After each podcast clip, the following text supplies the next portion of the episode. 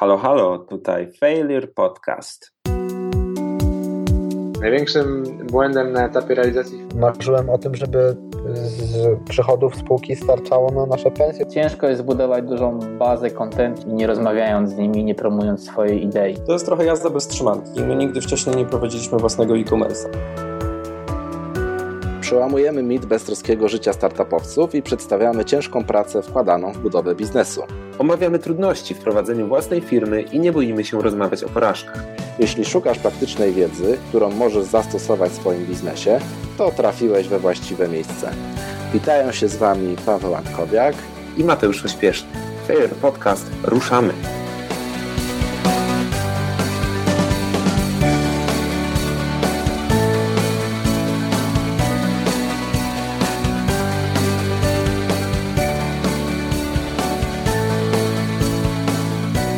Witajcie po dłuższej przerwie w Failure Podcast w pierwszym odcinku naszej drugiej serii.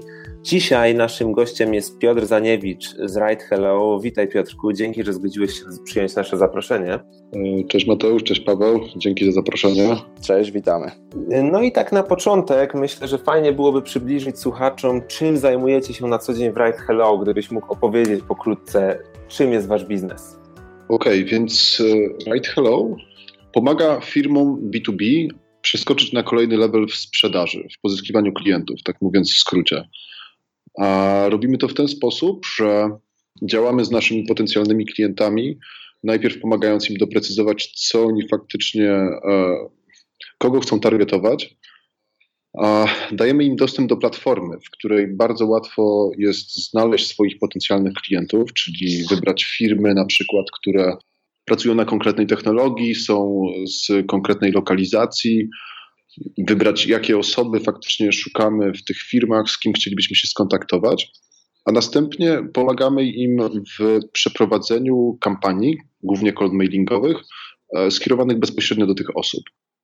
Jednocześnie oprócz tego doradzamy naszym klientom we wszystkich rzeczach związanych pośrednio ze sprzedażą, czyli w tym, czy robią dobre kole sprzedażowe, w tym, czy a, mają ok materiały, czy segmenty, które targetują też są ok. Czyli mm, automatyzujemy sprzedaż, ale jednocześnie staramy się jak najlepiej naszym klientom doradzić, wytłumaczyć, co powinny zrobić faktycznie, żeby ich sprzedaż szła z miejsca. Czyli tak naprawdę oprócz takiej automatyzacji tej sprzedaży, to jest takie właściwie kompleksowe, pełne wsparcie sprzedażowe. Tak. Mieliśmy dużą rozkminkę z tym, czy chcemy iść bardziej w stronę SASA i w pewnym momencie stwierdziliśmy, że na ten moment, jak widzimy naszych klientów i problemy ze sprzedażą, które oni mają, to chcemy im pomagać kompleksowo faktycznie. Czyli e, widzimy, że bardzo często brakuje tej wiedzy sprzedażowej, nie ma skąd jej wziąć i jako że przez ostatnie dwa i pół roku zgromadziliśmy naprawdę dużo tej wiedzy sprzedażowej, co działa, co nie działa, no to jednocześnie dzielimy się tym z naszymi klientami. Okej, okay, a gdybyś mógł powiedzieć jeszcze o początkach tego projektu, jak to się wszystko zaczęło i skąd w ogóle pomysł na taki biznes jak Right Hello? A, wiecie co, jestem związany bardzo długo z marketingiem, głównie B2B i mój poprzedni biznes, który targetował korporacje, miał może nie świetny produkt, ale bardzo dobry produkt, który wciąż uważam, że, że był całkiem spoko. Natomiast to, co nas zabiło, bo w pewnym momencie stwierdziliśmy, że zamykamy ten biznes, to jest to, że nie potrafiliśmy zeskalować swojej sprzedaży. Zaczęliśmy pracować z firmami typu PWC, MTV, z kilkoma niemieckimi klientami, było wszystko spoko, ale okazało się, że w pewnym momencie nie jesteśmy w stanie pozyskiwać kolejnych klientów wystarczająco szybko, żeby ten biznes miał ręce i nogi. Możesz krótko powiedzieć, czym się zajmował ten biznes? Mm, to była gamifikacja różnych procesów w korporacjach, czyli jak mamy na przykład proces e, rekrutacji albo poleceń pracowników, czyli coś, co jest bardzo często w e, różnego typu korporacjach, to wtedy my braliśmy e, nasz framework i dodawaliśmy odpowiednie mechaniki gamifikujące i przez to sprawialiśmy, że te procesy były dużo bardziej efektywne, czyli potrafiliśmy podnosić efektywność takiego procesu poleceń w firmie o 50-100%. Więc e, no, to działało w sensie biznesowym, natomiast w sensie pozyskiwania klientów było trochę z tym problemu. Jasne. I po tym failu, że tak pięknie powiem, e, stwierdziłem, że no, firmy B2B, które nie mają doświadczenia w sprzedaży, są, mówiąc delikatnie, e, w dupie, jeśli chodzi o pozyskiwanie jakichkolwiek informacji, o to, co mają robić, czy powinni zatrudnić jakichś salesów, w jaki sposób powinni pozyskiwać lidy, a jest mnóstwo rozkmin na tym etapie biznesu, tak samo na kolejnych etapach biznesu, czyli jak skalować sprzedaż, a, a nie ma za bardzo do kogo się z tym zwrócić. Czyli z jednej strony są agencje marketingowe, które totalnie nie są stworzone do tego, żeby pomagać firmom B2B. Jest naprawdę na, na palcach jednej ręki mógłbym policzyć takie agencje, które są w stanie coś pomóc. A, a poza agencjami ciężko jakąkolwiek alternatywę. A, więc wtedy zacząłem coraz bardziej rozkminiać sam temat sprzedaży B2B i trafiłem na temat cold maili. A, miałem projekt, w którym pomagałem i tam bardzo ciężko nam było pozyskiwać jakichkolwiek potencjalnych klientów. Więc w pewnym momencie stwierdziłem, że dobra, no to może w takim razie spróbujemy po prostu znaleźć osoby, to były małe przedsiębiorstwa ze Stanów, znaleźć właścicieli tych osób, znaleźć ich maile i centralnie do nich napisać, że cześć, robimy to i to, może chcielibyście z tego skorzystać. Mm, no i wtedy zatrudniłem trzech studentów, którzy zaczęli wysyłać po prostu klikając send na Gmailu te maile do tych ludzi, bo nie było za bardzo narzędzi na rynku, a przynajmniej ich nie znalazłem. I okazało się, że to działa. Okazało się, że ci ludzie odpisują, z tego są potem dema, z tego są potem klienci i jest ogromny potencjał w czymś, co większość marketingowców uznaje za e, e-mail już umarł 10 lat temu, prawda? A teraz czasem na, na Twittera i na Facebooki i na inne jakieś super ekstra, na LinkedIny i tak dalej, i tak dalej. Natomiast okazało się, że ten e-mail działa świetnie, jeśli jest dobrze stargetowany, dobrze napisany. Mm, więc stąd wziął się pomysł w ogóle na Write Hello. A to, co następnie zrobiłem, to zebrałem grupę 20-30 founderów startupów B2B i umówiłem się z nimi na customer interviews, czyli po prostu ich przepytałem z problemów w sprzedaży, które mają. Okazało się, że większość tych problemów jest na początku tego lejka, czyli w pozyskiwaniu lidów i zacząłem prezentować im rozwiązania w etapie, w drugim etapie tych rozmów wszystkich i zacząłem oferować im, e, oferowałem im dwa rozwiązania. Jedno, jednym z nich to było to, czym Right Hello jest aktualnie, a drugim e, było jakiś taki pomysł, którego nie będę teraz e, opowiadał dokładnie, natomiast byłem bardziej przekonany, że to drugie zaskoczy. A okazało się, że po tych wywiadach wszyscy mówili, że spoko, chcielibyśmy spróbować z Right Hello, natomiast ten drugi pomysł mówili, że jest totalnie, totalnie poza ich zainteresowaniami. I z tych customer interviews pozyskałem pierwszych czterech klientów. Zaczęli nam płacić od razu jakąś kasę, a my nie mieliśmy nic za bardzo poza tymi czterema klientami, więc e, zatrudniłem pierwszą osobę do firmy, no i zaczęliśmy po prostu wysyłać dla nich cold maila i zastanawiać się, w jaki sposób możemy zautomatyzować ten proces. No I tak w sumie powstało Right Hello i to było ponad dwa lata temu w styczniu 2014. No to nie tak dawno, jak na miejsce, w którym się znajdujecie. Jak oceniasz to? Prędkość rozwoju mam na myśli. No, myślę, że jest spora. jest spora, więc e, faktycznie to, to, nie jest tak daleko, a etap, w którym jesteśmy teraz, jest, e, jest już całkiem zaawansowany. Wiele osób twierdzi, że rynek B2B jako taki jest trudniejszy, żeby wprowadzić do niego nowy projekt, niż gdybyśmy mówili o projekcie skierowanym do osób indywidualnych. Szczerze, to mam totalnie odmienne zdanie. Czyli ja uważam, że te projekty B2C są trudniejsze do zrobienia. Hmm zwłaszcza w Polsce, jak jesteśmy. Czyli większość startupów B2C, które znam, które odniosły jakiś sukces, nie potrafiły, albo bar, no, większość nie potrafiło przeskoczyć poza rynek mhm. polski. Bo każdy inny rynek, czyli jestem startupem B2C, robię jakąś apkę dla klientów i potem próbuję pozyskać ludzi spoza na przykład, e, spoza mojego kraju, spoza Polski. I każdy inny rynek to jest po prostu kolejne ogromny obszar, zwłaszcza jeśli chodzi o marketing, do zaorania. Uh-huh. Plus zupełnie inni klienci, bo ludzie bardzo, różnie, bardzo się różnią, jeśli chodzi o B2C, czyli totalnie inaczej działa taki Amerykanin zwyczajny, a totalnie inaczej działa taki zwyczajny Polak. Natomiast w przypadku B2B firma ma, są dwa obszary jakby działań. Czyli z jednej strony mogę zarabiać więcej kasy, z drugiej strony mogę oszczędzać swój czas albo kasę. Jeśli jesteś w stanie dowieść jakimśkolwiek projektem w firmie albo to, że zarobi więcej kasy, albo to, że zaoszczędzi kasę, no to jesteś w domu. W sensie, że po prostu to będzie działać. Prawdopodobnie.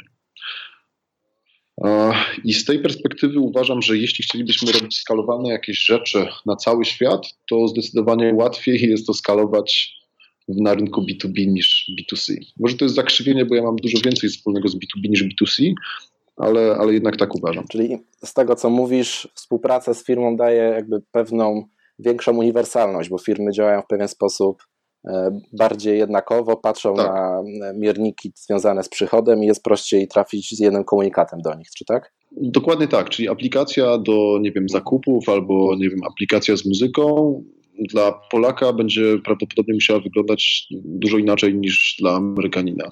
Natomiast firmy są bardzo podobne, jeśli chodzi o konstrukcję. Oczywiście są różnice, czyli na przykład, nie wiem, firmy w Stanach dużo lepiej sprzedają niż firmy w Polsce.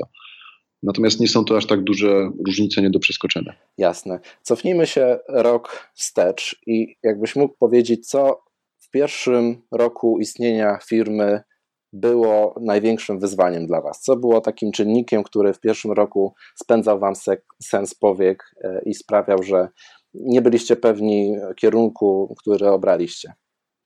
Myślę, że największym wyzwaniem jest fokus, czyli takie właściwe przywiązanie do właściwych rzeczy i konsekwencja w tym.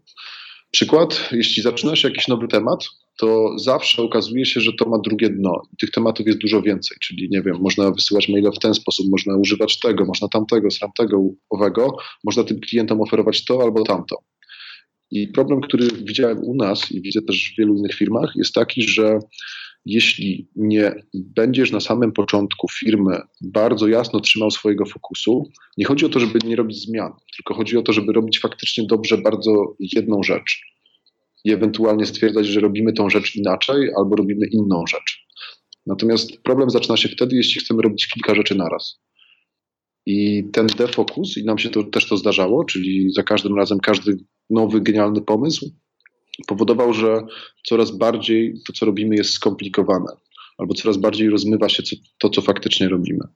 I gdybyśmy w pewnym momencie ostro nie pierdolnęli ręką w stół i powiedzieli, że dobra, to na tym się fokusujemy, ta firma musi być tym i tym, to prawdopodobnie ciągle byśmy latali koło, tak w kółko i próbowali tego, próbowali tamtego, może to, może tamto i tak dalej, i tak dalej. Więc ten fokus uważam, że jest najważniejszy, zwłaszcza w pierwszym roku działania. Super, czyli takie wydzielenie obszarów eksperymentalnych, żeby jasno stwierdzić, czy to dany eksperyment skutkuje, ma dobre wyniki, czy nie. Tak, taka wiedza jakby co jest korem twojego biznesu. Jasne. Czyli core jest taki, że chcemy robić to, to, to jest nasz problem naszych klientów i robimy faktycznie to. Jasne. Mm, są różne etapy rozwoju biznesu, ale ten pierwszy, to, to jeszcze raz to podkreślę, fokus, fokus, fokus, fokus. Jasne. A gdybyś miał powiedzieć, jakie są przed Wami na chwilę obecną wyzwania? Czy nadal będzie to właśnie temat do określenia siebie i kierunku, w którym zmierzacie, czy inaczej określiłbyś dzisiejsze wyzwania? A, dzisiaj wyzwania, które mamy są, są, są dwa. Czyli z jednej strony to jest skala, jeśli chodzi o klientów, jeśli chodzi o ludzi, których mamy i z każdą kolejną osobą cała struktura jest coraz bardziej skomplikowana, coraz ciężej jest jakby odpowiednio przekazywać know-how, coraz ciężej jest zachowywać odpowiednią jakość niektórych rzeczy. W sensie, że trzeba po prostu pilnować każdego detalu w firmie, bo jeśli nie pilnujesz tego detalu, to, to jest masakra, to wtedy wszystko się rozjeżdża. Mieliśmy etap taki pół roku temu, gdzie zatrudnialiśmy 10 nowych osób miesięcznie, bo bardzo przycisnęliśmy pedał gazu. I wtedy okazało się, że jak robimy coś tak bardzo szybko, to wtedy brakuje nam z tyłu rzeczy. Czyli zapominamy o tym na przykład, żeby mieć super ekstra obsługę klienta i to jest najważniejsze, albo zapominamy o tym, że nie wiem, że trzeba będzie nowe biuro skombinować, albo o tym, żeby ludzie się komunikowali, że to już jest większa grupa jakby. Mm, ludzi w tą komunikację trzeba włożyć więcej energii wyszkolenie menadżerów i tak dalej, i tak dalej. Czyli dużo takich problemów już stricte biznesowych, niezwiązanych z modelem biznesowym. I to są na pewno problemy, które my ciągle mamy, bo w tym momencie to jest prawie 80 osób, które jest u nas i to większość tych osób doszło w tym roku. A więc jeśli chodzi o samą ilość, o sam zespół, to bardzo się zeskalowaliśmy. I to spowodowało bardzo dużo nowych wyzwań, nowych problemów. A możesz podać kilka przykładowych takich problemów organizacyjnych, które mieliście i którymi sobie poradziliście w jakiś konkretny sposób? Na pewno najpoważniejsza, którą mieliśmy, to jest tutaj bije się w pierś, to jest obsługa klienta, czyli w pewnym momencie zatrudniliśmy sporo nowych osób do obsługi klienta i przez to, że nie mieliśmy jeszcze tak dobrze określonych standardów, jakie osoby potrzebujemy i jak robić tą obsługę klienta, zapomnieliśmy o tym, że klient jest najważniejszy. Mieliśmy kilka miesięcy, kiedy e, zaczął docierać do mnie feedback, że nasza obsługa klienta wcale nie jest super, a wręcz przeciwnie. E, naprawiliśmy to bardzo ostrymi akcjami, ale to nie był miły moment, kiedy się okazało, że zapomnieliśmy o czymś tak kluczowym jak klient i teraz na pewno mogę wszystkim polecić, że, trzeba się skupiać za każdym razem na kliencie. Mm, druga rzecz to jest na 100% komunikacja, gdzie to po prostu będzie za każdym razem, z każdą kolejną osobą coraz większe wyzwania. Czyli jeśli trzeba się, jest coś się dzieje, jakieś wydarzenie i trzeba je zakomunikować teraz, znaczy może inaczej, wcześniej było 10 osób, do, z, którym, z którymi mogłem bezpośrednio porozmawiać i wytłumaczyć im wszystko, co się dzieje w firmie. A teraz ja muszę dobrze skroić jakiś komunikat, w odpowiedni sposób to przekazać, e, najpierw menadżerom, w ten sposób, żeby menadżerowie odpowiednio to przekazali w swoim zespole i jeszcze wzmocnić ten przekaz w jakiś sposób. I jeśli tego nie robi się dobrze i systematycznie, to wtedy często informacje giną w firmie. Słuchaj, przechodząc do takich tematów finansowych, no nie uszło naszej uwadze, że ostatnio za wami trzecia runda finansowania, gratulujemy. Dzięki, dzięki. Co mógłbyś doradzić founderom na temat poszukiwania inwestora? Jak dzielić swój czas między poszukiwania kolejnej inwestycji, a dzienne prowadzenie biznesu, bo jednak jest to problem, z którym bardzo często wielu przedsiębiorców się zmaga na co dzień i który powoduje, że wykładają się na tym, że koncentrują się zbytnio na pozyskaniu kolejnej inwestycji. Jak wy sobie z tym radziliście? Co byś doradził? Na pewno, jeśli w ogóle rozważa się inwestycje, to lepiej zacząć to robić wcześniej. W sensie, że za każdym razem, jak zbieraliśmy kolejną rundę, to zaczynaliśmy to zbierać za późno i za każdym razem to było po prostu o, musimy szybciej, szybciej, szybciej, a te rozmowy trwają strasznie długo. Im jest większa runda, tym bardziej się przeciągają. A więc takie założenie sobie, że jeśli chcę mieć rundę za, no nie wiem, w danym okresie kolejną rundę, to powinienem tak naprawdę zacząć już działać rok wcześniej. Czyli e, przykładowo, jeśli pozyskuję pierwszą rundę seedową, to myśląc o tym, że kolejną rundę potrzebuję za rok, to już w momencie zamykania tej rundy powinienem działać nad kolejną rundą, budować sobie relacje z potencjalnymi inwestorami. Bo koniec końców te relacje są najważniejsze, czyli to, czy oni mają do ciebie zaufanie, czy nie. Jako biznes, nawet bardziej jako człowiekowi, jako founderowi, niż jako samemu biznesowi. Okay. Więc tempo na 100% jest mega ważne i lepiej robić to długofalowo, tak, tak o tym myśleć. Druga ważna rzecz to jest to, że powinno się zbierać rundę wtedy, kiedy jej się nie potrzebuje. Czyli e, właśnie ten okres zaraz po zebraniu rundy jest bardzo fajny, bo wtedy można sobie gadać i och, och wcale nie potrzebuję pieniędzy, ale możemy porozmawiać. E, I wtedy jest się dużo atrakcyjniejszym. To jest zupełnie jak z dziewczynami i imprezami. Trzeba zgrywać niedostępnego. To jest druga rzecz, a trzecia, myślę, że najważniejsza rzecz to jest to, żeby mieć jasną, pewną wizję tego, co się chce zrobić. Nie chodzi o jakieś szczegóły totalnie jakby. Natomiast jasną, pełną wizję tego, że chcę faktycznie, żeby ta firma była globalna, albo chcę, żeby ta firma była liderem w Polsce i tak dalej, i tak dalej. I mieć bardzo dobrze przepracowaną tą wizję i trzeba być pewnym tej wizji. Czyli niepewność w tym, bo mówi się, że tak, że kurczę, że trzeba tworzyć startupy, żeby one były unicornami, były warte miliard i tak dalej, i tak dalej. Bardzo dużo ludzi spotykam, które, którzy widać, że mówią tak, dlatego że przeczytali gdzieś na internecie, że trzeba tak mówić. Natomiast jeśli nie ma tej wiary w to, że to faktycznie może być gruby biznes, to to, to wyjdzie prędzej czy później. Nie zbuduje się aż tak dobrze tego zaufania bo inwestorzy kupują głównie founderów, czyli jeśli mają zaufanie do tego, że, jesteście że jest się dobrym founderem, że ma się wizję na to wszystko i będzie się wypruwać flaki przez najbliższe 5 lat, żeby do tego e, dojść, to oni w to wejdą. I dopiero na późniejszych etapach zaczynają się KPI, -e, wyniki finansowe, bity i tak dalej. W tych pierwszych etapach, i to mówię o pierwszych nie wiem, trzech latach, dużo ważniejsze jest to, żeby, żeby po prostu być być przekonanym do tego, co się robi. Okej, okay, dzięki za podzielenie się tymi doświadczeniami dotyczących inwestycji. A czy mógłbyś nam jeszcze coś powiedzieć o samych liczbach w waszym biznesie? Co jest dla was takim kluczowym wskaźnikiem? Może z iloma partnerami współpracujecie na co dzień? A jeśli chodzi o cyferki nasze, to tak naprawdę my kierujemy się, my kierujemy się pieniędzmi, czyli ile zarabiamy, ile wydajemy. Niestety tymi danymi nie mogę się w tym momencie Jasne, podzielić. rozumiemy. Natomiast to jest jakby kluczowe dla nas. Niżej oczywiście jest zadowolenie klientów i to ile z nami zostaje tych klientów, z którymi zaczynamy pracować. Tutaj stąd też jakby te rozszerzanie też na, naszych e, zakresów e, ofertowych, jeśli chodzi o, o, o dodatkowe produkty, które powoli wprowadzamy. Mm, Jeśli chodzi o same liczby, no to teraz liczba klientów, z którymi pracowaliśmy, pracujemy, to już są już setki firm B2B z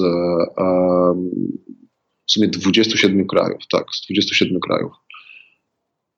Okej, fajnie.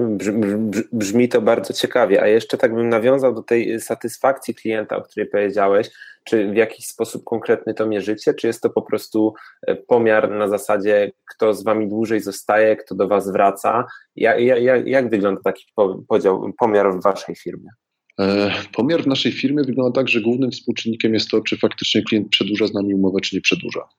To jest, to jest najważniejsze, czyli jakby, bo mamy z klientami e, dłuższe umowy, czyli u nas nie wchodzi się jakby tak normalnie jak do SASA subskrypcyjnie month to month, tylko po prostu podpisujemy dłuższe umowy, ponieważ sprzedaż to jest coś, nad czym trzeba skupić się i pracować przez dłuższy okres czasu, żeby były z tego efekty. Czyli najpierw trzeba zasiać jakieś ziarna, czyli zdobyć te lidy potencjalnych klientów, potem trzeba z nimi pogadać i podopinać, żeby widać e, było, jakie są z tego efekty. Więc my pracujemy często z klientami, często zawsze z klientami na dłuższych okresach czasowych, czyli e, 6-12 miesięcy. I później, mm, dlatego u nas, na przykład w naszym biznesie, ważniejsze jest to, żeby liczyć, ile procent mamy renewali, czyli ile procent tych klientów faktycznie po tej inicjalnej umowie z nami przedłuża, e, niż liczyć takie sasowe czerny miesiąc do miesiąca. W sensie mierzymy jedno i drugie, natomiast te sasowe czerny miesiąc do miesiąca nam nie mówią aż tak dużo, bo mm, ważniejsze jest to, ile faktycznie tych klientów z nami przedłuża roz- umowy, a nie e, ile miesięcznie powiedzmy tracimy tych klientów lub zyskujemy tych klientów.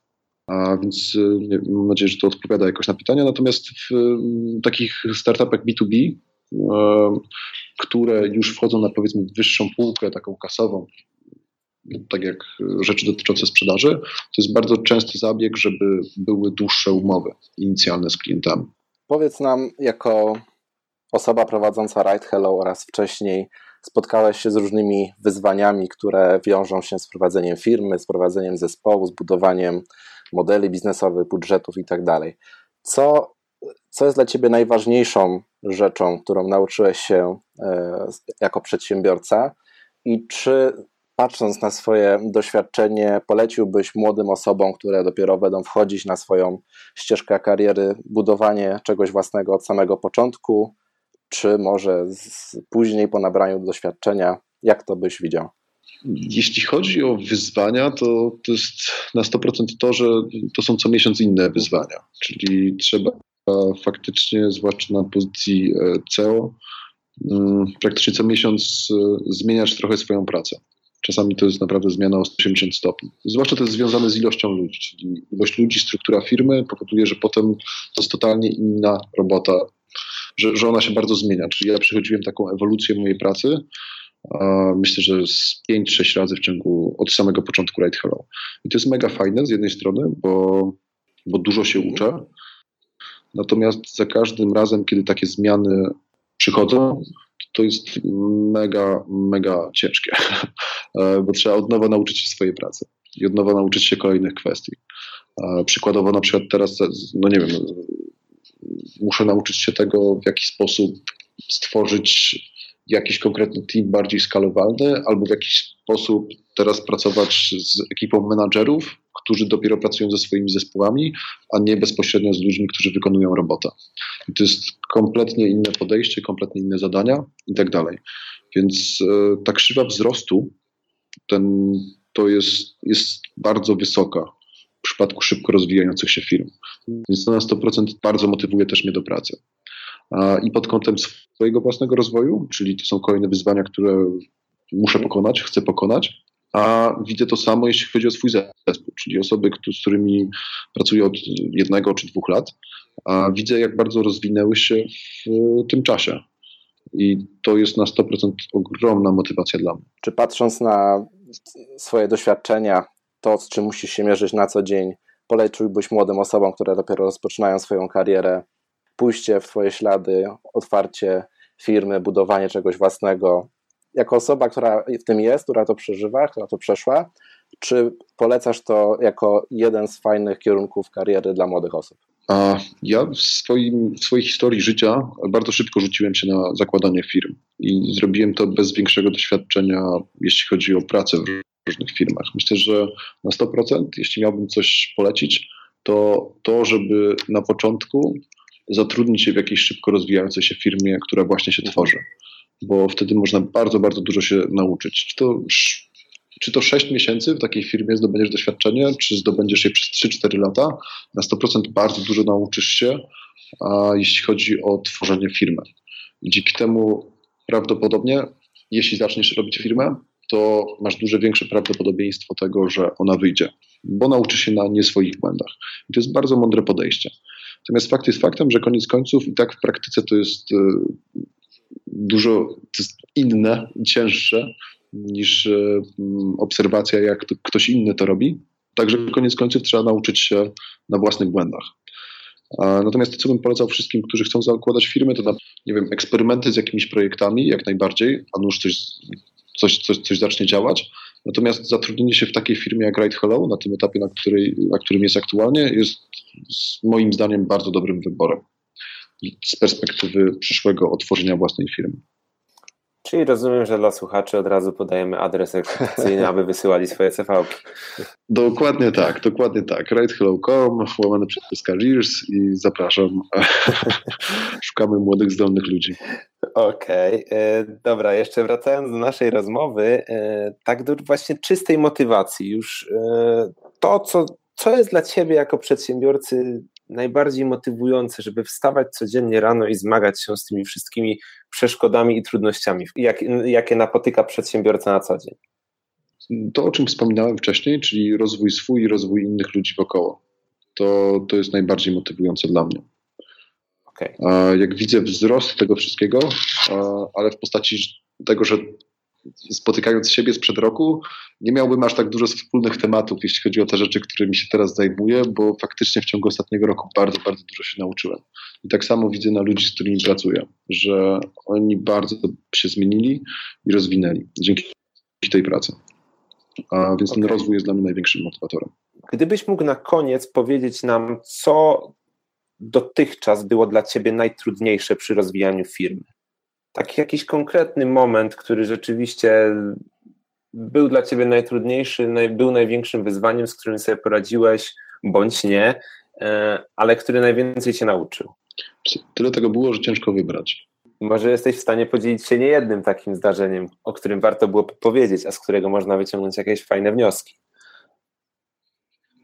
Generalnie jest taki, polecam bardzo książkę e, Chorowica, Hard Things About Hard Things gdzie jest takie określenie. A, tak, WFIFIO. So we are fucked, it's over. okay. To jest sytuacja, w której my znajdujemy się, myślę, że regularnie. E, chodzi o momenty, w których stwierdzasz, że kurde, to wszystko nie ma sensu, nie przeskoczymy tego problemu i nie wiem, musi, potrzebujemy jakiegoś cudu żeby pójść do przodu. Myślę, że w historii Right Hello mieliśmy z dwa czy trzy takie momenty, kiedy faktycznie wiedzieliśmy, że jesteśmy na krawędzi. Czyli, że jeśli nie rozwiążemy tego problemu, to wszystko e, pierdolnie. Jeśli nie uda nam się szybko dopiąć rundy inwestycyjnej, to skończy nam się kacha na koncie. I tak dalej, i tak dalej. I takich momentów było bardzo dużo. Pokonanie każdego takiego momentu, kiedy uświadamiasz sobie, że wow, faktycznie udało się to dopiąć, czyli nie wiem, dopiąć ostatnią rundę inwestycji, a, a, mm, tego typu wydarzenia, to buduje większą pewność siebie na 100% i też skłonność do ryzyka coraz większą, bo wiesz, że takie problemy można przeskoczyć. Um, jeśli chodzi o jakiś konkretny case, to musiałbym się w tym momencie zastanowić, szczerze mówiąc, co mogę opowiedzieć, a co po prostu będzie zbyt hardkorową historią na ten moment Jasne. naszej firmy. Ale myślę, że myślę, że skrót y, We are fact, it's over jest bardzo ciekawy, aby go szerzyć za pośrednictwem naszego podcastu, więc na pewno to wykorzystamy jako dobry początek do drugiego sezonu serii. No ale koniec końców dobrze, że wychodzicie na prostą. Tak, to są ciągłe wyzwania, natomiast y, idziemy ciągle do, do góry, że tak powiem. I jak też w prawo i do góry. Wszystko ma iść w prawo i do góry. Jedna z ostatnich, w sensie, że myślę, że to wyzwanie, które mieliśmy ostatnio, to jest na pewno znowu związane z ilością ludzi, którzy dołączyli do, um, do Right Hello i tym, że y, zarówno ja, jak inni ludzie tutaj na pokładzie nie byli aż tak doświadczonymi menadżerami, żeby w tak krótkim tempie być w stanie ogarnąć taką strukturę organizacyjną pod tym kątem. I tutaj rozwiązaniem było tak naprawdę ściągnięcie um, um, bardziej doświadczonych menadżerów i ostatnio dołączył do nas e, Bartek Piecuch, czyli e, który wcześniej współtworzył jako dyrektor sprzedaży Pracuj.pl i ma ogromne doświadczenie, zarówno w zarządzaniu, jeśli chodzi o sprzedaż, jeśli chodzi o opiekę klienta i mnóstwo innych rzeczy, o których nie mieliśmy pojęcia, że są ważne. Tacy ludzie mogą naprawdę zmienić biznes w pewnym momencie, więc jestem niesamowicie tutaj szczęśliwy, że sobie współpracujemy, pracujemy razem i bardzo dużo też się uczymy. Dzięki temu też e, jesteśmy w stanie przeskoczyć te braki w swojej wiedzy, czy te problemy, które mamy z tym, że tak szybko urośliśmy. Jasne. Piotrze, jak można e, się z Tobą skontaktować, gdyby słuchacze audycji chcieli po wysłuchaniu Ciebie zadać jakieś dalsze pytania lub skontaktować się? A więc y, polecam swojego maila który nazywa się piotrek.righthello.com. Podamy w notatkach do audycji, jak najbardziej. W notatkach do audycji i tutaj wszystkie jakby tematy biznesowo-rozkminowe to zapraszam. Jeśli chodzi o same Right Hello i e, to oczywiście przez stronę kontaktową można się umówić i zobaczyć, co my faktycznie tam robimy. Mm, jakieś demo. Natomiast tak, jeśli chodzi o kontakty bezpośrednie, to wszystkie pytania oczywiście mile widziane, zapraszam. Postaram się odpowiedzieć, nie wiem w jakim tempie, mm, pod maila Piotrego Hello. Super, super. Dziękujemy Ci za fajną dawkę ciekawej wiedzy w pierwszym odcinku drugiego sezonu. Bardzo dziękujemy, że znalazłeś dla nas czas. Naszym gościem był Piotr Zaniewicz z firmy Right Hello. Dzięki wielkie za poświęcony czas. Również dzięki. Zapraszamy Was do polubienia naszego fanpage'a failurepodcast.pl na Facebooku, aby otrzymywać dawkę najważniejszych wniosków płynących z naszych rozmów oraz aby być zawsze na bieżąco z kolejnymi odcinkami naszej audycji.